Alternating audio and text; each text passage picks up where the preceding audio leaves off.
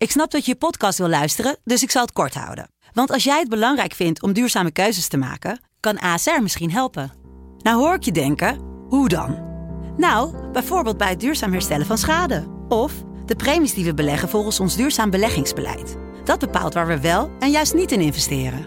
Wil je meer weten over welke duurzame keuzes ASR maakt? Ga dan naar asr.nl slash duurzame keuzes. ASR doet het. Zo, dan kan je nu lekker naar je podcast luisteren. Mijn naam is Lisbeth Staats en ik ben ontzettend volwassen geworden. Zo volwassen dat ik zomaar op het punt sta aan de tweede helft van mijn leven te beginnen. Tenminste, dat hoop ik. Maar hoe leid je dat deel van je leven dan een beetje slim en leuk? Dat vraag ik in de podcast Lang zal ze leven aan vrouwen die daar al zijn. Die dat terrein al helemaal hebben verkend en inmiddels uit een enorm reservoir aan wijsheid kunnen tappen. Ik praat onder andere met Annemarie Oster, Petra Lasseur, Annemarie Jortsma en Tineke de Nooi in Lang zal ze leven.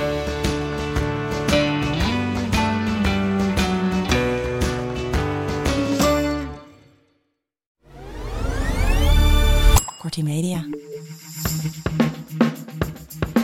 Dit is de Help, ik heb een tiener podcast. In het boek schrijf ik hoe het allemaal hoort. En in de podcast vertellen we hoe het allemaal in de werkelijkheid gaat. Maar wacht even, hoorde ik dat nou goed, Kluun? Help, ik heb een tiener. Jawel, het P-woord is ten strengste verboden in deze podcast vandaag. En dat heeft alles te maken met onze expert van deze week, waar we tantoe blij mee zijn dat hij er is. Maar over deze meneer straks meer. Mijn naam is Kluun en naast mij zit mijn co-host Ivanka van der Zwaan, columnist, schrijver en bovenal tienermoeder. Deze aflevering gaan we dus praten over uh, tieners. Uh, het zijn het onbegrepen wezens. Waarom doen ze soms zulke domme dingen? Hoe ga je ermee om? En hoe benader je de tiener? En voorkom je ruzie? We gaan situaties voorleggen die voor iedereen herkenbaar zijn. En we hebben weer een heerlijke tirade van onze favoriete uh, tiener, Teun. En iedere aflevering eindigt met een schrijfsel van mij. Dat krijg je als je een schrijver vraagt de podcast te laten te maken. dus blijf luisteren. Nou, Ivanka, hoe was je week? Uh, goed, beetje, beetje ziekje zoals ik, maar verder ging het wel goed. Uh, alle kinderen Ja, want daar hebben we het over. Hè? Hoe ja. met jou gaat dat? Ja, uh, precies. Nee, het gaat wel over je kinderen. Nee, ik dacht heel even dat het over mij ging. Nee, ja. nee, nee, nee. Mijn kinderen zijn ook allemaal, ze zijn allemaal weer gestart. ze hadden een tijdje, een paar weken vrij voor Ja, want we nemen dit op in, wat is het nu? 10 januari, dus net na de kerstvakantie nemen we dit op. Ja, ja, ja, dus ze zijn allemaal in de, in de modus van weer aan het werk gaan en puffen en steunen. Van, dat moet direct op maandag. Sommigen hebben de eerste dag En jij, jij uh, komt uh, lekker uit het zonnetje. Ja, uh, dus ik heb weinig verhalen van mijn kinderen. Maar ik moet zeggen, ik ga even iets heel positiefs zeggen. Ehm, mijn, ik noem maar, maar even dochter drie. Die is bijna 16. En die mag haar kamer nu veranderen. De, die hing vol met posters van Ariana Grande en Billie Eilish. Maar het moet anders. En we gaan deze week gaan we nieuwe dingen kopen. En maar heb ik heb wel met haar afgesproken. Je hebt twee jaar geleden een plaatsspeler gekregen van de Sint-Nicolaas. Als je die goed kunt verkopen op Marktplaats, dan heb je extra budget. En het is gelukt en dat heeft ze zelf ook gedaan. En uh, dus we hebben uh, uh, 189 euro extra budget, wat we nu aan haar nieuwe kamer, en die wil ze vrij minimalistisch inrichten. Um, ja, dus, dat, dat, dat vond ik, vond ik wat mooi. Goed. Ja, vond ja. ik ook. Ja, ja. ja. En ze was ook heel blij uh, dat die meneer het uiteindelijk echt kocht en zo. Dus uh, op, nou, ik weet niet of je opvoedkundig dat goed is. Maar, ja, nou. bijvoorbeeld lijkt me klinkt keurig. Nou, dat, keurig, keurig. Hey, Ivanka, hoe vond jij het vroeger als jij puber werd genoemd? Ja, verschrikkelijk. Echt waar. Wij, ik heb drie zusjes en wij, wij hadden het daar ook vaak over. Van, uh, ja, zegt ze weer uh, puber. Want het was vooral als mijn moeder aan de telefoon zat met haar vriendinnen. Dan, dan hoorden we dat ze aan het roddelen was over ons. Het P-woord gebruikte. Ja, ja, en dan, het was altijd een beetje op zo'n belachelijke manier. Dus, dus ze had dan niet echt, ze was dan niet echt een ruzie aan het vertellen... waarbij ze advies wilde, maar het was altijd van... ja, je weet hoe dat gaat, hè. Die pubers, dus je voelde je een soort van weggezet als, als, ja. als groep. Het gaf ja. mij veel haat. De man hier tegenover me, want daar gaat het, deze podcast over, die zit al te knikken. Wij zijn heel blij. Jelle Jolles, neuropsycholoog en emeritus hoogleraar aan Universiteit Maastricht en de VU in Amsterdam. En de man die onder andere zei in een interview in het Parool, wat wij allebei hebben gelezen. Zoals we allemaal chef Nederlands elftal zijn, denken we ook alles te weten over kinderen. Uh, we gaan tituleren, hebben we toch Jelle? Jazeker. dank je dat je hier bent. Eh, eh, welkom. Dank. Welkom. Fijn om hier te zijn. nou, dat, eh, wij, wij willen een afspraak met jou maken. Ehm, wij, ik heb een boek geschreven, Help, ik heb een puber.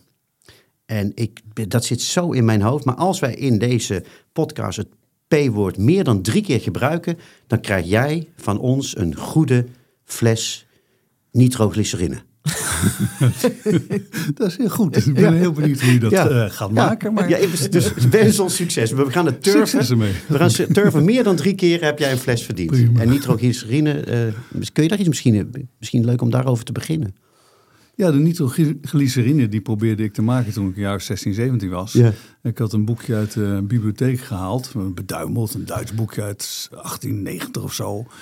Eh, en daar stond in hoe je dat moest, moest doen. Dan kon je mm, echt heel simpel met wat geconcentreerd zwavelzuur en geconcentreerd eh, salpeterzuur. Dat kon je in allemaal shopjes in Den Haag kopen. En heel simpel watten daarbij. Gewoon uit eh, de kast van mijn moeder. En daar was ik mee bezig, twee dagen al, moest het laten oplossen. En toen las ik twee bladzijden verderop. En er stond daar in het Duits, in boekstaben, van eh, pas op, het moet een volstrekt trillingsvrije omgeving zijn. Want anders kan het door alleen maar een klein zetje kan het boem ontploffen. En toen dacht ik van, hmm, misschien is het toch iets waar ik eh, te snel mee begonnen ben. En toen ben ik gestopt. Zo, op eigen initiatief als... Eigen initiatief. Hoe oud was je, zei je? Ik was 16, denk ik. Zo. Maar zo heb ik ook ontzettend veel dingen gedaan waarbij je later denkt van nou, dat was niet zo slim. Nee. Maar toch was net verstandig genoeg om de mogelijke consequenties te overzien. Want niemand had me verteld wat de consequenties kunnen zijn. Ja. En dat geldt voor heel veel tieners, denk ik. Ja, dat... eh, Niet kunnen overzien van de consequenties. En daardoor noemen wij ze een sensation seeker. ja, dat vond ik een heel mooi woord. Dat las ik ergens. Ja, Sensation. nou, sensatiebelust. Ja. Maar in wezen is dat niet zo. Ze zijn alleen maar grensloos nieuwsgierig. Ja. En het brein is nieuwsgierig. en dat moet het ook zijn, ja. omdat het zoveel mogelijk prikkels wil binnenhalen. Ja. En dat wilde ik ook. Dus alles wat je zag, dat je denkt, hé, hey, chill. Dat woord gebruikte ik natuurlijk toen niet. En nu Nee. is het ook al ouderwets natuurlijk, heel duidelijk. Als wij het, als wij het woord Als het- kennen, laten we ons even over één kam scheren. Dan Qua leeftijd, sorry Ivanka. Ja, ja. Dan, als wij het woord kennen, dan zijn we eigenlijk al, is het al, is het al voorbij. Ja, Helemaal. ja, ja. Dat is net alsof je eh, zegt van ja, al die oude woorden uit de jaren 60, 70 zeg maar. Maar daarmee ben ik begonnen. En ik weet dat heel veel tieners dit soort dingen doen.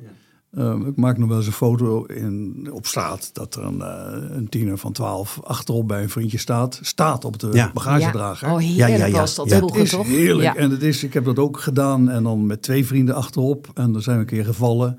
En toen had er eentje had toch eh, iets, eh, iets breukerigs in zijn been. En dat moet je dan niet te vaak doen. Maar dat zijn wel van die ervaringen die ervoor zorgen. Dit moet ik gewoon niet doen.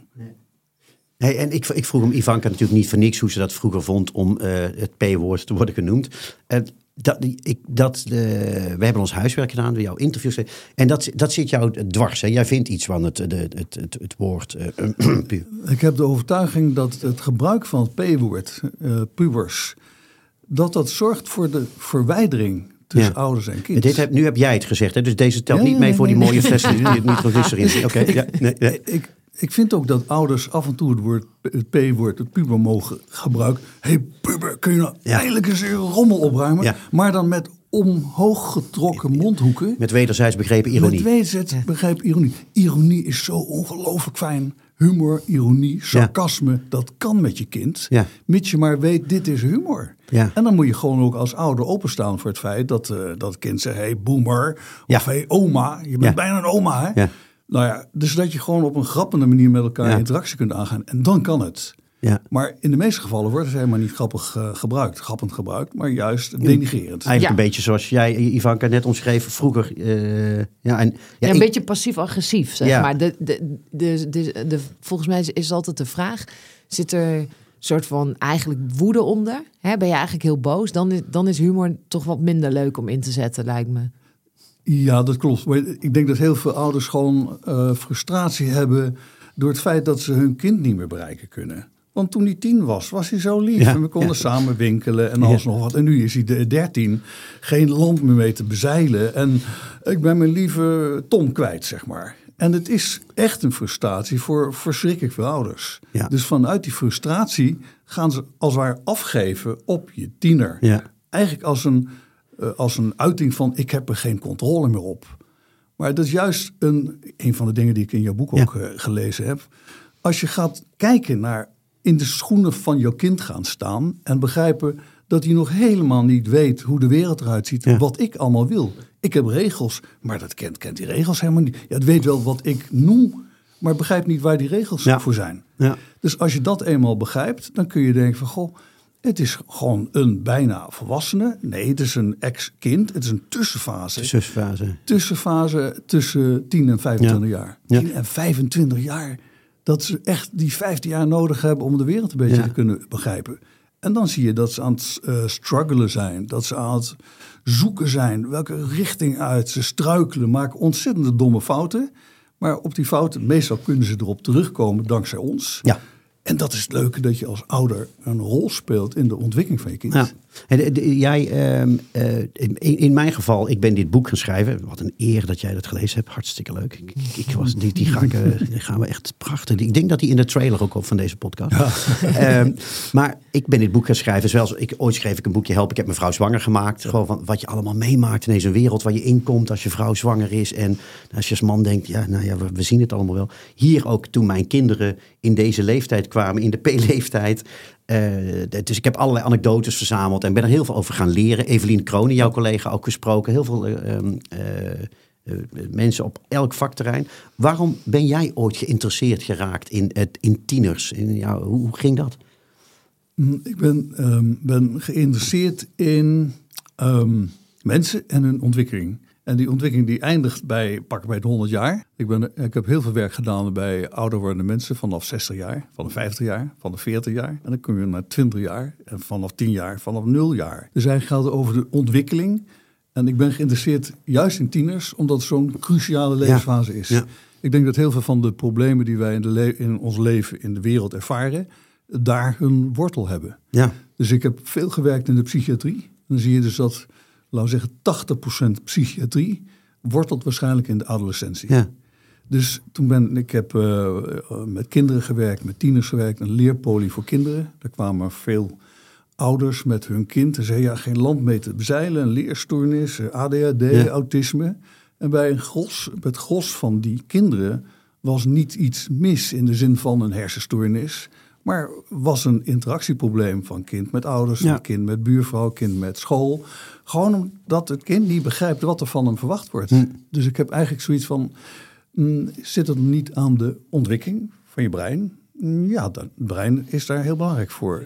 Het laatste deel van die adolescentie, tussen 15 en 25 jaar, dan ontwikkelt zich vooral, verder ontwikkelt zich het sociale brein. Ja. Waarin empathie, intenties van anderen begrijpen, intenties van de wereld begrijpen. Intenties van meneer Rutte, of heet die Ruppe of zo, of, of Abu Taleb gaat weg in Rotterdam, Ja. wat een Ja. fantastisch goede burgemeester is geweest. Maar waar ligt dat aan? Hoe wat dat? wat gebeurt er? Dus het zicht op de wereld, de wereld buiten je gezin, buiten je buurt, dat is echt iets wat nog na je 25e doorrijpt. Maar het kernpunt is dat de hersenen nog doorontwikkelen. blijven door- dankzij de kennis en ervaring die je opdoet tot je 25 en misschien wel later ook. Ja. Er zijn van die fasen, met name in de midden-adolescentie, dat is de moeilijkste periode. midden-adolescentie, dus dan praat je over 13 tot 13, 16, 14 Ja. tot 16. Dus wat we hardcore, echt de P-tijd wel noemen vaak. Ja. eh, Ja. Brugklas, derde klas. eh, Ik denk nog ietsje later. Ik denk zelf dat, dat de brugklasse zit nog heel veel kinderen, jongeren, tieners, die zitten nog in de cirkel van thuis, zoals ik dat noem. Ja, Dan is vader, moeder kunnen best nog dingen zeggen waarbij ze, oké, papa zegt dat het niet mag, nou dan doe ik het niet. Ja. En pas als ze breder worden, in de brugklas eh, met name, komen er zoveel andere dingen. Andere vriendjes, et cetera, andere Ja. gezinnen. Verder van huis uit moet je fietsen. Ja. Dus dan gaat de wereld, de, de, de binnenring, zeg maar. Je cirkel van thuis, daaromheen heb je de binnenring Ja. van activiteiten en dingen die je doet. En verder fietsen naar de voetbalvereniging en zo. Komen er meer dingen op je af. Maar je zit nog wel in die cirkel van thuis. Dan heb je een middenring van activiteiten daaromheen. Dus gewoon vanaf je 13e, 14 jaar komen er vriendjes van vriendjes. En die nemen grappige dingetjes mee. En papa zegt dat dat hash heet. Of eh, heeft andere namen ervoor. Het lijkt me hartstikke leuk om dat Ja. een keertje te proberen. Of ook eh, dan heb je de puberteit zo'n beetje achter de rug. En dan komen toch vlinders in je buik. Een Ja. meisje dat je aankijkt. En je denkt, wauw, wat interessant. Ja. En dat is veel belangrijker dan je ouders. Dan je ouders, Veel ja. belangrijker dan je ouders. Dus met name die middenadolescentie. Dan heb je nog niet het overzicht over de consequenties. Van wat er zou kunnen gebeuren. Dan ga je inderdaad eh, in een winkelkarretje ergens een heuvel. Hier hebben we ze niet in Amsterdam. Maar je hebt heuvels en dan kun je op een winkelkarretje staan. En je Ja. naar beneden laten vallen. En dat is hartstikke leuk. Het enige is dat er drie straatjes op uitkomen. En het bejaardenhuis daar, daar komen wel eens mensen met een stok langs. En daar kunnen hele akelige Ik zie dingen ineens een gebeuren. heel leuk TikTok-filmpje voor me. Dat, dat zijn dingen die wel jongeren doen. Ja. En die ik ook eh, gedaan heb. En je kunt alles. De hele wereld kun je aan. De ouders zijn, zijn stom. Scholen stom. Is nergens goed voor. Ik heb een enorm goede vriendengroep. En die heb ik tot in de rest van mijn leven Ja. heb ik die. Nou ja, al die Ja. onware dingen die je niet weet. Dat is Ja, in die periode. En dan ben je dus heel sterk... Ja, dat is de moeilijkste periode voor ouders om eh, met je kind eh, contact te hebben en te houden. Wat is nou de grootste misvatting eigenlijk die ouders hebben over hun tieners? Zij kijken naar de tienertijd vanuit de kennis die zij zelf hebben van hun eigen tienertijd. En dat klopt van geen kanten. Dus zij hebben het idee van, ik heb zoveel dingen meegemaakt in mijn leven. Ja. Ik weet hoe deze wereld werkt. Ik weet welke regels er zijn. In dit huis zijn er regels, want anders wordt het een puinhoop. Ja. Dus de misvatting is dat ouders denken dat de kinderen die regels begrijpen. Dat ouders begrij- denken dat kinderen Dat ze logisch zijn, die regels, begrijpen ja. waar school voor is. Want school is om diploma's te halen. School is om gewoon straks een baan. Begrijp je toch? Nee, dat begrijpen ze niet. Dus eh, ouders begrijpen niet dat kinderen hui- hun huiswerk niet maken en morgenochtend een verkeerde toets maken Ja. en niet doorhebben dat er geen herkansingstoets is. Nee, maar dat is dus vanuit de ouder denken. Ik noemde het of, eh, ja, adultocentrisch wereldbeeld. Het wereldbeeld Mooi woord. Oh, woord van de dag. Die, Ja. eh, Ja. ik- ik- lekker, mijn dag is goed. Het adultocentrisch. adult, dus volwassenen. Het wereldbeeld vanuit Ja, onze ogen onze- geprojecteerd op onze Oh, kinderen. die is goed zeg. Met een soort geheugenverlies eigenlijk van hoe je zelf eh, als tiener was. Ja, want het is de, we weten nu ook biologisch gezien is die, die eh, adolescentie is anders. Dus het brein is anders. Je, ik heb ooit een boek geschreven, het heet Alice en het verbreinen. Dat gaat daarover. Je verbreint van kind tot eh, adolescent. Ja. En het adolescentenbrein is anders dan van een volwassene. Het moet eerst uitrijpen. Dus gewoon, je kijkt naar jezelf terug. Ik kan heel veel dingen terughalen uit mijn, mijn jeugd, omdat ik wel een hele fijne jeugd eh, gehad heb. Maar ik weet zeker als eh, hersenspecialist en geheugenspecialist dat het niet klopt. Nee. Dat Nee. een heel aantal dingen die vul ik in vanaf nu. Met de ervaring die ik op mijn 30 jaar, mijn 40 jaar gehad heb, kijk ik terug naar toen. Ja. En komen juist die dingen naar boven die ik nu goed gebruiken kan. Ja. En zo kijken we terug naar onze kinderen. Veel mensen als eh tienerouder. Je kijkt terug. Zeg maar, laat het nou maar even aan papje over. Ja, ja, Ik ga jou Ja. vertellen. Het geeft niet dat je er anders over denkt Ja. hoor. Maar dit is gewoon echt de waarheid. Nou goed. Zie jij nou, ik, ik, ik, ik, ben maar, ik ben maar een jaar of twee met dit, eh, ben ik me helemaal gaan verdiepen in tieners. Maar wat ik zo leuk vond, dat ik, ik zag dat kleine kluntje, eh kluns, was die vroeger op de school eh, genoemd, klun, Oh ja. klun of kluns, ik vind klun leuker. Ik zie hem weer voor me, maar ik voel ook, ik, toen ik hiermee bezig was met schrijven, ik voel weer hoe ik was hoe- toen ik 13 was. Dat ik op het Theresia Lyceum in Tilburg binnenkwam. Hoe ik 15 was, dat ik voor het eerst verliefd werd. Hoe ik 17 was. Hoe ik, hoe, ik in zelfvertrouwen... Heb jij dat? Jij bent heel... Heb jij dan ook... Zie jij de Jelle Ja. van 14, 15? Voel je hem ook? Herken je Ik dat hem- mannetje weer? Ik voel hem. eh, ik zie dingen vormen. Ik kan het echt helemaal uittekenen. Je ziet ook gebeurtenissen. Dus gewoon niet alleen maar een fotootje, maar ook een filmpje van toen. En daar zullen. Ik zeg net van, eh, je hebt het ingekleurd. Ik heb dingen ingekleurd. Maar Ja. ik denk wel dat de basis klopt. Ook het gevoel, de emotie van toen. Ja. Ja. Maar dat zijn wel onderdeeltjes. Dat zijn dingen die ik toen belangrijk vond. En dat ik toen belangrijk vond, betekent dat er ook hersentechnisch hormonen gezegd hebben van het is belangrijk, dit moet je Ja. bewaren. Dat betekent dat er letterlijk een like, dus wat wij nu weten via Facebook en de socials, dat je gewoon like of dislike, Ja. Ja. er worden vlaggetjes gezet in het brein. Dit moet je onthouden. Dus op je twaalfde jaar, je veertiende jaar, zijn er dingen die je onthoudt. Waarbij je later denkt van ja, waarom heb ik het eigenlijk onthouden? nou, omdat er in die periode gewoon dat er iets gebeurde.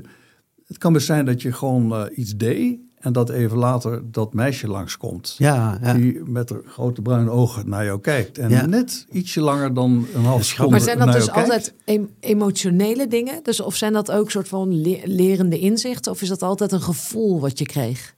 Dat gevoel dat komt door, uiteindelijk door prikkels van buiten. Die prikkels van buiten die worden geselecteerd. Je brein selecteert wat belangrijk is en wat niet. En datgene wat door die selectie heen komt, dat zorgt voor ja, hersenbedrading die verandert. En die hersenbedrading die zorgt ervoor van op een later moment dat dit terugkomt. Dus in wezen, je hersenen die selecteren de dingen uit die belangrijk zijn. En de dingen die belangrijk zijn, die hebben heel veel met, met gevoel te maken. Dus vandaar dat eh, de schoolklas is niet leuk. De leraar Duits doet erg zijn best. En heeft gewoon iets over Hegel wat een hele belangrijke meneer is. Maar ongelooflijk saai. Dus dat betekent dat je dan naar je brein, eh, naar je eh, smartphone aan het kijken bent. Het komt niks binnen. Maar als de, die Duitse leraar aan het praten is en de deur gaat open, daar komt eh, Meerte binnen. Eh die is weer, weer eens tien minuten te laat. Komt heupwiegend binnen met een strakke zilverkleurige legging. En haar haar, moet zien haar haar. Er is een heel schuin, er is een groene lok in.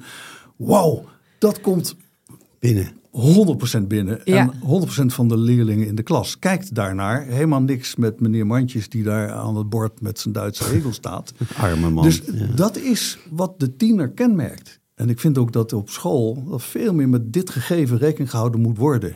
Dus je tiener is, heeft een sociaal brein. En het sociale brein kijkt naar heel andere dingen dan ik als Ja. leraar Duits of wiskunde graag wil. Maar je kunt ervan gebruik maken. Maar het interesseert eigenlijk, als ik het zo hoor, het eigenlijk ook. Het interesseert je dan ook bijna niet als docent, dat sociale brein. Ja, je weet het wel, maar je bent natuurlijk alleen maar bezig met dat. Ja, het, het, het, het- het cognitieve. Ik ben heel hoopvol. Ja? Als ik gewoon Oh, zie ja? de laatste jaren dat er gewoon een, een- ik zie een, een turnover in het hele onderwijs. Ja? Dat er enorm veel scholen zijn en leraren die gewoon, laten we zeggen, mijn boek lezen. Die Ja. ook soortgelijke boeken Het lezen. nadenken van. eh, En ook, zie je, het sociale brein is nodig om ook Ja. cognitieve kennis binnen te krijgen. En als je gewoon ziet, als je alleen maar met leerprestatie, cognitieve leerprestatie bezig bent en je ziet dat je leerling verliest. Als je dus gewoon ziet dat zo- scholen openstaan als. Nee, laat ik het anders zeggen. Die scholen die openstaan voor de sociale en emotionele vorming, die zorgen ervoor dat het schoolplein aantrekkelijk wordt. Die zorgen ervoor dat er gewoon in de pauze dat kinderen met elkaar echt kunnen chillen. ja. Ik vond het heel grappig wat je net zei over dat het eh, als docenten zich meer open zouden staan voor het sociale brein. Dat ze dat ook echt wat zou brengen. Want de vraag is natuurlijk of, of alle ouders en alle docenten zo geïnteresseerd zijn in pubers als jullie twee dat zijn. En zo bereid zijn om zich Ja. te verplaatsen en noem maar op. Maar als het via de soort van functionele as gaat. Hè, dus dus als je weet, eh, het gaat mij meer aandacht opleveren. Dan zou dat toch voor iedere docent verplicht moeten zijn om zich daar eh, op te richten en daar aandacht aan te besteden. Absoluut. Vind je dat ook? Ja, dat vind ik ook. Kijk, is, eh, we hebben wat onderzoek gedaan naar wat op lerarenopleidingen geleerd wordt. Nou, er worden hele knappe dingen geleerd over hoe je didactisch moet bezig zijn. Maar er worden veel te weinig wordt er aandacht gegeven aan die ontwikkeling van tieners. Ja. Zoals in Kluun zijn boek staat, in mijn boeken en van andere mensen. Daar gaat het over de lerende leerling, gaat over de zich ontwikkelende tiener. Daar is zoveel kennis over. Ja. En die wordt niet gebruikt op school. Behalve natuurlijk door, er zijn heel veel leraren die ervaring hebben. Dat zijn mensen die ook zelf kinderen hebben. Ja. En die door, door schade en schande leren dat je het anders moet doen. ja. En dat is wat mij ook hoop, hoopvol maakt. Ja. Je ziet om je heen, en ik krijg enorm veel uitnodiging voor lezingen en dergelijke, Ja. om dit uit te leggen. En dan zie je dus dat die cognitieve kennis lift mee Die lift mee dan. met de sociale en emotionele vorming. Er is nu zo leuk dat nieuwe boek van eh, die Johannes Visser, geloof ik. Is het voor Oh een ja. cijfer over Ja. de Oh, ja, ja, ja. cijfercultuur? Dat vroeg ik me ook af. Ehm, eh, we, we weten ook, als het gaat over be- het beloning, hè? De, het, het brein van tieners, beloning, dat komt eh, extra binnen. En corrigeer jij maar als ik het verkeerd zeg. Maar, ehm, is, wat, kun je, wat kun je daar dan mee doen als het hier om gaat op scholen? Met, met het feit dat het, het brein zo gevoelig is voor beloning. Ehm, wat kun je. eh, ermee in ieder geval de, de, de situatie creëren waarin uh, een kind veel ervaringen kan opdoen. Mhm. Dus mijn hobby is nieuwsgierigheid. Dat is nieuwsgierigheid is kernfunctie van het brein. Dus die er wordt vaak over dopamine gesproken, maar ik vind dat een metafoor. Ehm, het gaat over het feit dus dat er prikkels van buiten zijn die aan het brein zeggen: dit is leuk. Ja. Daar moet je gewoon iets meer van doen. Ja. En of het nou via dopamine of iets anders gaat, dat doet er eigenlijk niet toe. Dus het brein is minder belangrijk dan wij denken. Ehm, die nieuwsgierigheid, die zorgt ervoor dat je zegt van ik wil dit nog eens hebben. Dus als je op school zorgt voor een, eh, een schoolplein wat niet alleen uit tegels bestaat, maar wat uit allerlei, laten we zeggen, zitplaatsen, hangplaatsen, tafels, waar voor mijn part ook een schaakbord op staat, waar, waar jongeren kunnen chillen, waar ze met elkaar kunnen praten, waar ze wisselende tafels kunnen hebben. Op, nu heb je noodgedwongen, kun je alleen op het stenen muurtje zitten. Ja. En dan word je door de conciërge afgehaald omdat dat niet staat, zeg maar. Zorg dat er plekken zijn waar je met elkaar kunt praten. Weet je wat ik zo grappig vind? Jij, ehm, ik zit, er zit hier een hoogleraar tegenover ons en die weet alles van het brein. En, ehm, jij, en eigenlijk, ik hoor jou bijna letterlijk zeggen, ja, het kan dopa- dopamine zijn of wat dan ook. Maar het kernwoord is eigenlijk nieuwsgierigheid bevorderen. Ja, het gaat over prikkels. Over En prikkels. het brein, eh, ik, ik heb wel eens eh, gezegd, het brein is hongerig. ja. Dat is de kern. Het brein is hongerig en wil geprikkeld worden. Dus als je het brein onderprikkelt, dan ga je in je geest ga je allerlei andere dingen doen. Het enige wat wij hoeven doen is als ware meer prikkels, relevante prikkels aanbieden. Omdat dan een jongen zegt, yes, dat is het. Dat is ook een van de mooiste mogelijkheden voor ouders. Ouders hebben de neiging om te zeggen, goh, hè, leuk dat je weer thuis bent. Wil je een kopje thee? Ehm, zeg, hoe was het op school vandaag? Ja, ja, ja. Is jouw toets Engels al binnen? Leren biologie. eh, is hij nou echt nog steeds ziek? Wat verschrikkelijk voor jou. Maar leerlingen zijn helemaal niet geïnteresseerd in school. Ze zijn ontzettend blij dat ze eindelijk thuis zijn. Dus je moet eigenlijk praten over jezelf. Over eh, gekke dingen die je meegemaakt hebt. Eh, over die, die man bij jou op je werk die zegt van... Goh, eh, Jelle, lever je telefoon in, want TikTok dat moet eraf. Ja. En dan kun je zeggen, goh, wat moet ik daar nou mee doen? Ja. Man, wat vreselijk, gaan ze de TikTok eraf halen? Dus daardoor nieuwsgierigheid van waarom is dat? Eh, dus dat je gewoon ook situaties creëert, schept, Ja. beeldend maakt. Waardoor een kind zich in jou verplaatsen kan. En dan een rode wangen krijgt met het idee van... wauw, stel je voor dat ik mijn TikTok eraf zou moeten gooien. Maar nou hoor ik, bij- nou hoor ik bijna, ik, ik merk bij mezelf de, de reactie al van ja, maar eh, het, het, bijna alles wat ik over mezelf vertel als het kind uit school komt, die denkt, kind, kan ik alsjeblieft eh, stoppen met die, eh, kan je alsjeblieft stoppen met die verhalen? Maar jij zegt eigenlijk iets juist andersom, maak die verhalen zo dat ja, je het moet ze een beetje luisteren. opspicen Ja. dan. Je Ja. kunt niet dat hele saaie verhaal van zo... vandaag met het MT waren veel stukken. ja, Fijn dat je het even Ja. uitlegt ook. Nou, stuk en, de, ja, en, de, en de Jan 10 zo. Nee, dus ik zeg wel eens in de cursus die ik geef... ehm, opvoeden betekent ook dat je van tevoren, van tevoren bedacht hebt... wat je kunt doen en wat niet. Je moet de Ja. gebruiksaanwijzing beter begrijpen. En dat betekent dat ieder ouder kan best wel s'avonds vijf minuten nadenken... over de dingen die hij morgen met zijn kind zal bespreken... En dan moet je zeggen, don't. Dus niet praten over A, B, C, D, E. En wel praten over zo en zo. En dat betekent dat je moet Een afdalen naar het niveau van kennis dat je, dat je kind heeft. ja. En dan kun je gewoon voorbeelden verzinnen. En daar zit ook wel als Ja. ouder een beetje jokken bij. Je kunt Ja. best Ja, wel dat herken, ik, dat Ja. herken ik wel. Ik heb ook wel eens gedaan dat ik, eh, dat ik dan een opvoedkundig punt had. En Ja. dat je dan een ander kind neemt. En kinderen tot een jaar of 15 trappen daar nog wel in. Dat je zegt, nou, wat die had, wat die gedaan heeft. Ja. En dat is dan een net iets andere situatie. En dat je eigen kind dan gaat adviseren. Zegt van, eh, nou, moeilijk, wat ze, maar ze kunnen misschien dit of dat doen. Dat ik denk van, als je straks wegloopt, valt misschien het kwartje wel. Dat dit ook voor jou geldt. Ja. Ik heb precies zoals je dat zegt, heb ik ook bij, bij cursussen met ouders, eh, ouderavonden, dat je mensen zegt van kijk, dit is de casus, wat zou je doen? En Ja. dan komen er eigenlijk ook voorbeelden van, we hebben dat gedaan op grond van suggesties zeg maar, Ja. en het werkt. Nou, nou, dus dat je mooi. vraagt van, goh, Want- ja, mijn, eh, ik heb nu een iPhone SSE 2020. Ah pap, dat ding is zo ouderwets. Ja. Oké, maar die nieuwere, hè, kan ik dan niet naar Galaxy over? Maar waarom? Ja, dan- als je die neemt, dan heb je dat en dat en dat bij. Ja.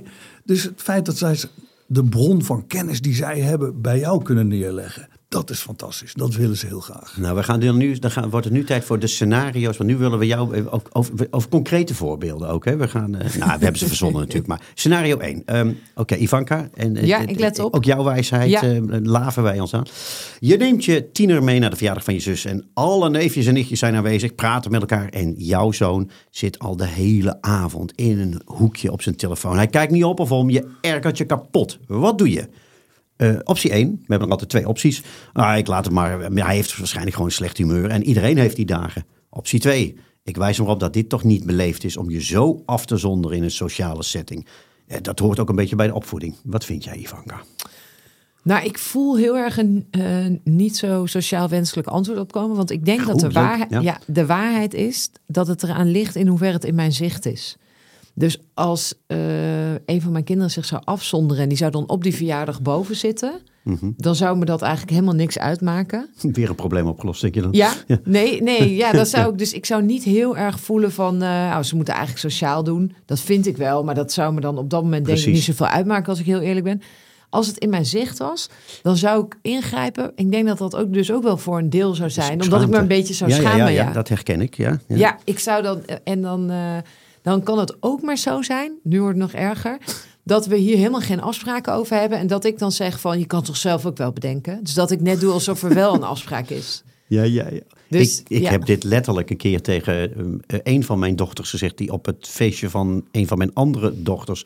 zo ongelooflijk zagrijnig was. En ik schaam, begon me ook te schamen. En toen zei ik dat later ook... je weet toch, dit, dit kun je niet maken. Ja, dat, je snapt toch zelf ook wel. Precies, dat is denk ik echt het ergste. Als ik eh, goed naar jou heb geluisterd, Jelle. Jelle, Ja. vertel Ja. jij eens, wat, eh, wat zou jij doen? Mag ik een optie 3 noemen? Ja, Eh, graag zelfs. Ja. Ik zou zeker niet optie 2 nemen. Dat betekent dat je gewoon de afstand die je toch al hebt versterkt. En dat kind dat heb ik gemerkt daar. inderdaad, in mijn voorbeeld. Dankjewel. Dat Ja. kind dat zit daar, zit eigenlijk mm, zichzelf op te eten. Omdat hij gewoon best wel voelt dat er iets gebeurt waar zijn ouders hem dadelijk op zullen aanspreken. Van goh, waarom ben je zo, zo. Ik zou gewoon naar een van de ietsje oudere neven en nichten van je zoon toe gaan.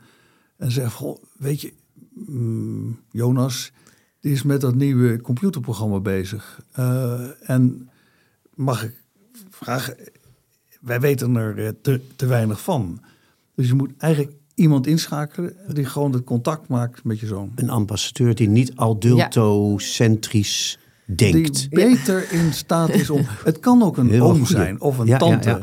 Maar dan niet in de zin van: Goh, ik ga nu even vanuit boven, boven de jongen staan en even vertellen zo en zo. Maar laat die op de knieën gaan zitten, voor mijn part, op de grond, op de billen op de grond, naast zijn stoel met de jongen. En dan het gesprek aangaan over iets. En dan ook weer horizontaal, gewoon.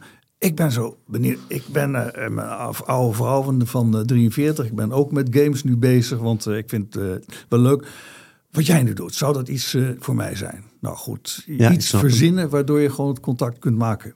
En als ouder vind ik het belangrijk dat je je kind er op die manier bij haalt. Ja. Dus dat je gewoon een mogelijkheid geeft. Voorwaarden scheppen om te zorgen Voorwaarden dat het kind... scheppen om te... Ja. Ja. Ik vind het en heel als, je dan, praktisch. ja, en als je dan eh, van tevoren afspraken maakt, want dat doen denk ik ook veel ouders. Dus dat je zegt van altijd als wij, weet ik veel, bij de familie zijn of op een verjaardag, dan mag je niet op je telefoon. Stel dat zo'n afspraak er ligt, wil je dan erop aanspreken wel valide of nog steeds niet? Ik zou persoonlijk die regel niet maken. Nee. Nee. Ik zou gewoon uitgaan van de gebruiksaanwijzing van die 14-jarige tiener die dit gewoon niet kan. En je gaat hem aan, aanspreken op iets wat hij niet kan. Dus dan moet je veel eerder van tevoren zeggen. Oh, grappig eh, trouwens. beste, wat, eh, we gaan weer naar zo'n eh, verjaardag. Ik denk dat je helemaal geen zin hebt om daarheen te gaan. Klopt dat?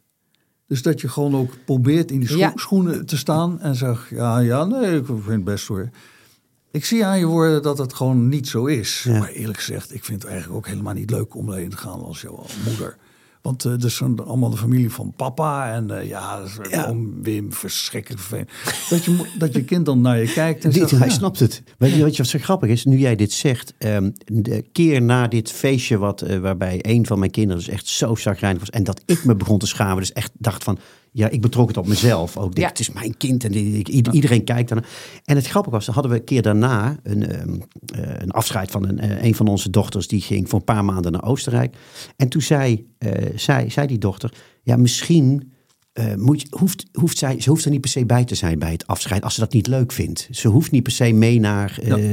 Want, en dus eigenlijk doet die wat jij eh, zegt, wat ik misschien beter nodig had. ik- Maar dus zij, zij zei, ze hoeft niet mee. Als ze het leuk vindt wel hoor, maar het hoeft ook niet. En toen dacht ik op dat moment van, nou dat hoort, je hoort afscheid te nemen. Maar eigenlijk zeg jij van, ja, dit is de beetje de...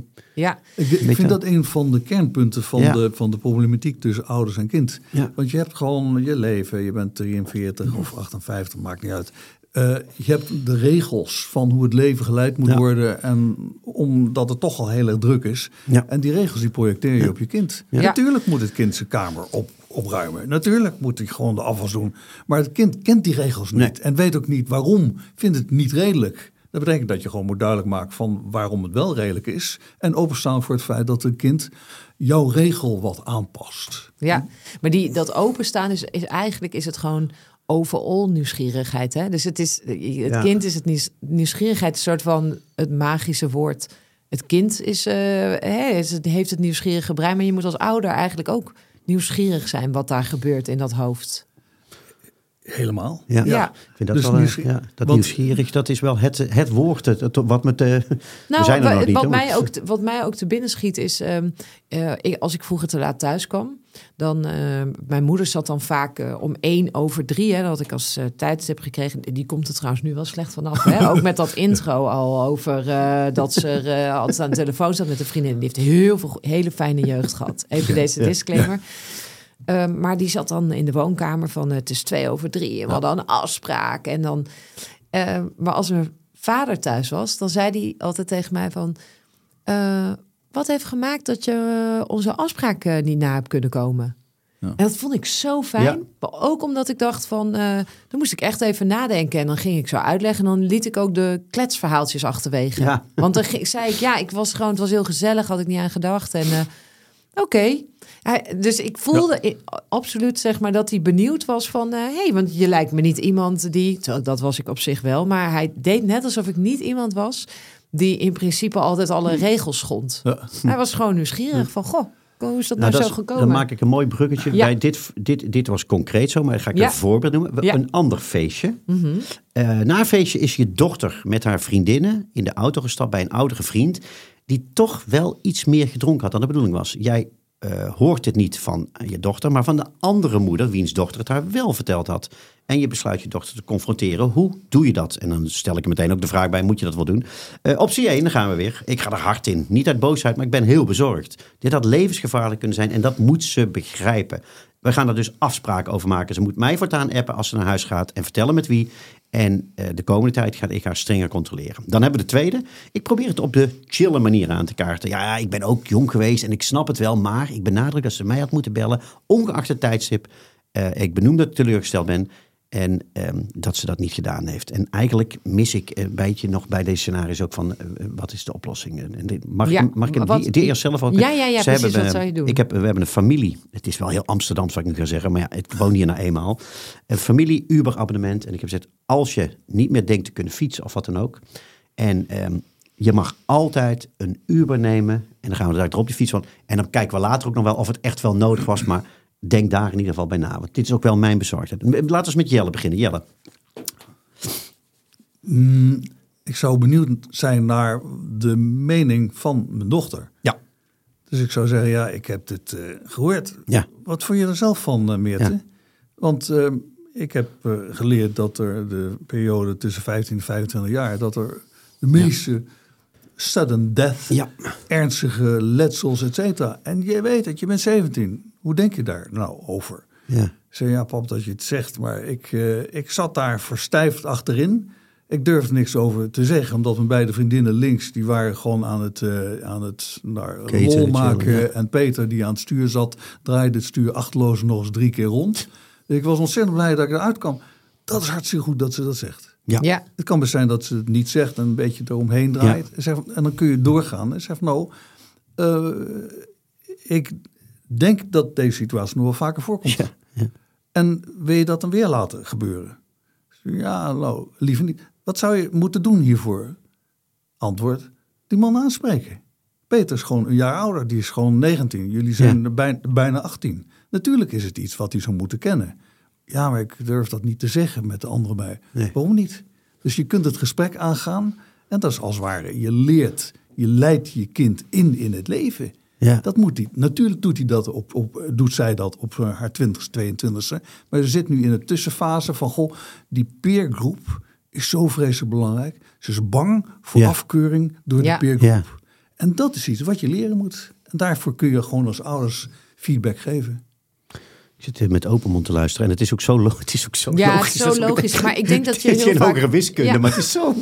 Het is vaak denk ik de emotie weer. Want ik zou me wel voor kunnen stellen dat ik... eh, ik zou hier zo van schrikken. Ik zou dat heel eng vinden. En daar, je Ja. eerste reactie daarop zal waarschijnlijk wel zijn dat je zegt: hoe kan je dat nou doen? Ja. Maar ik denk wel dat ik in tweede instantie, want ik weet nog heel goed hoe ik me voelde om zeg maar de Meerte in jouw verhaal te zijn. Dus Ja. zeker als student, dat je nog niet gewend bent om je chauffeur ook te bestuderen op een avond. Ja. Dat is iets wat je moet leren. Dat Ja. je denkt: hé, hey, er zijn dus mensen die laten andere mensen meerijden en die drinken dan. Ja. Ja. Dat, dat is een fenomeen, dat ken je nog helemaal niet. En ik heb zelf, ik heb zelfs een keer eh, stilgestaan op een snelweg, omdat ik zo bij zo'n dronken chauffeur in de auto zat.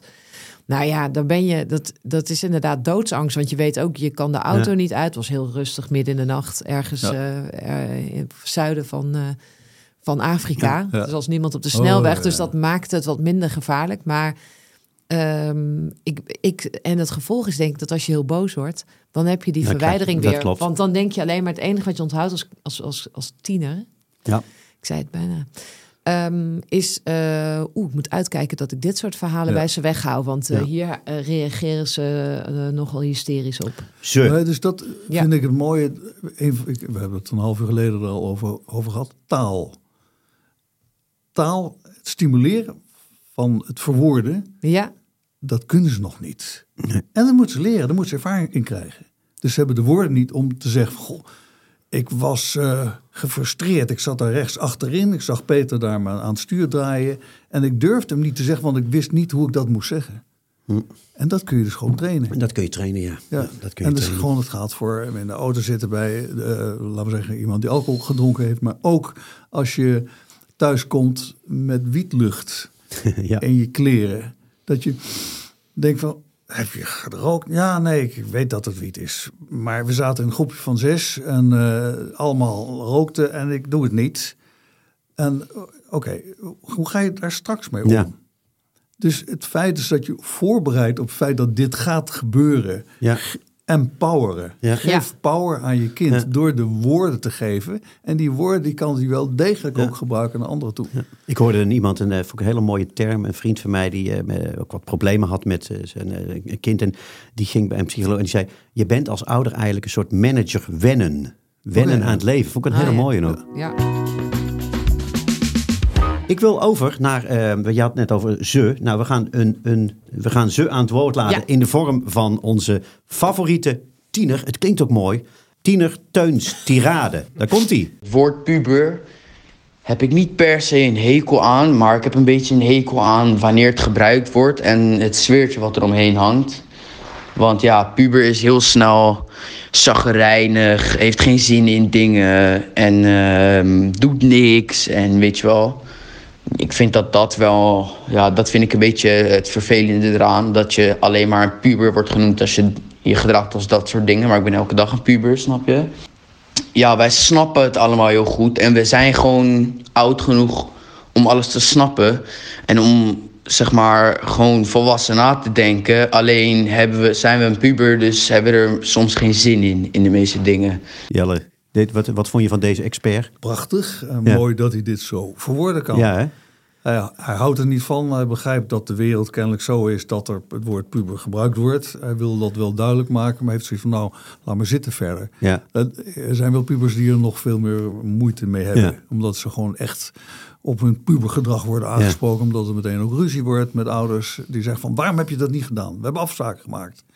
En eh, veel tieners die weten wel degelijk dat ze nog dat ze veel potentie hebben. Dat ze, dat er, dat ze veel dingen kunnen. Maar ouders hebben het niet over de dingen die ze kunnen. Nee. En dat zou veel leuker zijn voor hen om daar Ja. wel over te hebben. Ja, En dan Ja. kun je ook best wel eh, openstaan voor het feit dat je dingen niet, niet kunt. ja. En dan moeten ouders maar de voorwaarden scheppen waardoor je dat wel eh, kunt leren. Ja. ja. Maar ik vind het heel mooi. eh, mooi hè? Ja, mooi Heel dat, mooi dat stukje. hij ook zegt, dat sfeertje dat eromheen hangt. Ja. Dat, is toch, dat is natuurlijk in essentie. ja. Hè? Het is een sfeertje van wij tegen zij. Ja, Ja. maar ergens denk ik dus ook dat het een... eh, het is ook iets verbindends tussen ouders, hè? Zo van, we zijn allemaal... eh, Tussen ouders zelf. We zijn allemaal ja, struikelende, struikelende struikelende stakkers. stakkers. Ja. Ja. Ja. Slachtoffers. Ja, Ja. Als, eh, ik, ik heb zelf het gevoel dat ze eh, ouder enorm veel verder kan, kan komen en zijn tiener ook. Als ze maar stilzwijgend of eventueel uitgesproken herkennen dat je nog werk in uitvoering bent. ja, Ja. Werk in uitvoering wil gewoon ook zeggen, ja, ik ben 18. Ja, oké, ik, ik kan trouwen en een bankrekening openen, maar ik weet nog heel weinig over de wereld. En jullie moeten me helpen om gewoon zoveel mogelijk dingen binnen te krijgen die ik Ja. gebruiken kan later. Dat is een soort van afspraken die je onderling hebt. En als je nou, wat jij, jij zegt van je gaat het gesprek aan en je gaf net een heel mooi voorbeeld met eh, zo'n auto en eh, of met wiet. Maar als je nou, als je een probleem probeert aan te kaarten. En eh, dat doe je met dat doe je helemaal verbaal sterk. En eh, dat heb je getraind eh, bij, bij je bent in, in cursus geweest bij Jelle Jolles en zo. Maar nog steeds, je merkt dat het kind gewoon echt. Het boeit het echt absoluut niet. terwijl jij denkt, ja, dit is heel belangrijk. Wat, wat dan? Hoe ga je daarmee om? Op een bepaald moment mag je ook denken, deze 16-jarige, 18-jarige, 20-jarige, het is zijn leven. Dus je moet ingrijpen op het moment dat je ziet dat hij mentaal kapot zou kunnen gaan, of Ja. fysiek kapot kan gaan, dan moet je ingrijpen. Dan ga je interventie en dan plegen. geef je in, in een interventie, zoals jij in je boek ook eh, zegt, dan is het echt nee. Met een onderbouwing van nee, maar niet te veel erop terugkomen. Nee. Eén keer nee is goed en dan die onderbouwing. En dat kan dan een tijdelijke verwijdering geven. Maar dat zijn als het ware de feedback, die is echt nodig om in het doolhof van het leven af en toe die doodlopende weg Ja. in te gaan. En dankzij de feedback van je ouder weer terug te gaan en een betere weg Ja. te kiezen. En als, die, en als die nee dan niet gerespecteerd wordt, wat, wat, hoe kijk jij naar Ja. straffen? Bijvoorbeeld, of, of een andere aanpak? Mm, ja, straffen en straffen. Ehm, soms kun je straffen door, eh, door iets niet te doen. Eh, die, ehm, ieder, ieder kind vindt het ook wel fijn als er s'avonds eh eten op tafel staat. En als hij voor zoveelste keer te laat thuis is en je komt net van je werk op kwart voor zes en je moet in een half uur eten maken en op tafel zetten om te zorgen dat ze om kwart over zes Ja. weer weg kunnen gaan, ja, dan is er maar eens een keer geen eten. Dat betekent dat je gewoon ook de consequentie ervaart van, Ja. je, van je gedrag. En dat is eigenlijk is het ook een vorm van straf. Ik hou niet van het woord straffen, Nee. maar in ieder geval De is consequentie. de consequentie leren zien, ja. De, en dus eigenlijk, het, de, ik zeg wel eens van eh, iedereen heeft recht op zijn eigen Ja. problemen. Dat heeft ook een tiener, die heeft ook recht Ja. op zijn eigen problemen. Dus het betekent dat als het gedrag zo is, en dat gebeurt zo regelmatig, ja, dan he- kan dat consequenties hebben. Dat is ook leren. Ja, en dan echt ernstige straf, die moeten af en toe wel als gewoon ze echt zeer ernstige dingen doen, zoals eh, stiekem eh, messen kopen, met vlindermessen met allemaal gaten. Dat zijn de zwarte eh, problemen Ja. waar ik het in mijn zijn de boek over... zwarte, zwarte problemen. En dan moet je gewoon zeggen, dat kan echt niet. En zo zijn er ook dingen, ja. alle, je hebt niet zoveel strafmogelijkheden, maar die hebben, te maken met het kleedgeld wat minder wordt of afgeschaft wordt of Ja. an- andere dingen. Daar moet je heel behoedzaam mee zijn dat dat niet te vaak gebeurt. Maar heel soms zijn er wel dingen die zo vreselijk gevaarlijk zijn dat je een heel duidelijke daad moet stellen. En dan stellen we de vangrail. Eh, we gaan bijna afsluiten. En eh, je weet het, eh, de, de, dit Daar gaat hij, het schrijfsel. Het schrijfsel, het schrijfsel van Kluun, ja, je, je, je voelde hem aankomen. En ik heb een stukje gekozen, Jelle, en ik, natuurlijk ook in mijn achterhoofd. Jij zat, zit hier en jouw, jouw, jouw ehm, ehm, het, positivisme, dat, dat, vind ik, dat vind ik heel mooi. En ook de, de, de liefde voor het kind. En ik heb dit ook geprobeerd een beetje in mijn boek te stoppen. Op het eind staat, lieve ouder, pak een stoel, ga zitten. Let even niet op de rondslingerende kleren en de afwas die uw puber. Ik moet het hier even zeggen, want het staat in het boek. Dus ik vind dat deze niet telt, maar we zitten nog steeds goed. Oké. Weer op het aanrecht heeft laten staan. Sluit uw ogen en ontspan. We gaan dagdromen. Projecteer uzelf een paar jaar vooruit. Het is zover. Uw P is uitgepeet. Eindexamenfeestje gehad, diploma ontvangen. Uw P is nog in leven, is redelijk gezond, praat af en toe met u in meer dan blokantwoorden en is klaar om te gaan studeren, werken, reizen of een jaartje lanterfant. Uw kind heeft zichzelf in de afgelopen jaren leren kennen. Deed wel eens wat domme dingen, zat eens een keer flink in de problemen, was een tijdje verdrietig, stootte af en toe zijn of haar kop, lag een poosje flink overhoop met u, was soms niet te harde, had een tijdje wat foute vrienden, ontdekte met vallen en opstaan wat en wie hij of zij leuk vond en wie en wat niet. En nu is uw P 18. Een vers volwassen mens met al zijn of hij, haar eigenaardigheden, maar nog altijd uw kind. Uw kind dat zich de afgelopen jaren geliefd heeft gevoeld door u, wat er ook gebeurde. Uw kind dat tijdens de roerige P-tijd heeft ontdekt dat hij of zij van u mag zijn wie hij of hij zij is. En dat was het mooiste cadeau dat u uw kind kon geven. De ultieme tip. Jelle. Als er één ding is wat jij tienerouders zou willen meegeven van deze aflevering, wat is dat dan? Dat je ook heel veel lol aan je tiener kunt hebben. Het is een, gewoon een mens die nieuwsgierig in het leven staat met ontzettend grappige, gekke, dwarse dingen komt. Sta open voor het feit dat je daar ook zelf lol mee kunt hebben. En samen met je kind in respect, wederzijds. Kijk, en wat raad je tieners aan? Wat is de tip van Jelle Jolles aan tieners? De, de gebruiksaanwijzing van je ouder beter begrijpen. Het zijn ontzettend onmogelijke mensen. Als je ziet waarom ze onmogelijk zijn, dat je denkt van goh, eigenlijk is het best wel vertederend hoe die vader hele stomme dingen tegen me zegt. En met die vertedering kom je ook dichter bij je ouders te staan, want ze zijn toch echt soms wel hele leuke mensen. Kijk, ah, dat geldt ook voor ja. ons, neem ik aan, Ivanka. Ja, een stukje empathie Ja. voor, die, voor die stakkers. Voor die struikelende De stakkers, stakkers. die ouders stakkers, heet je. Ja. Heel erg bedankt dat je bij ons was. Ik vond het echt, ik hang, hing aan je lippen en je hebt mij ook wel heel veel geleerd. Ik, ik, ik heb nu al zin om terug te luisteren en Ja. gesprekken te oefenen. Zullen we samen een keer doen, gesprek Ja, oefenen. Dan, eh, ja, ja, leuk. precies. Je luisterde naar Help, ik heb een tiener. Mijn naam is Kluun en naast mij zat eh co-host Ivanka van der Zwaan. Like, abonneer en laat een recensie achter, dat vinden wij leuk. En heb je een tip, mail ons dan op help. Ik heb een puber at cortimedia.nl, C-O-R-T-I media.nl. Bedankt voor het luisteren en graag tot volgende week.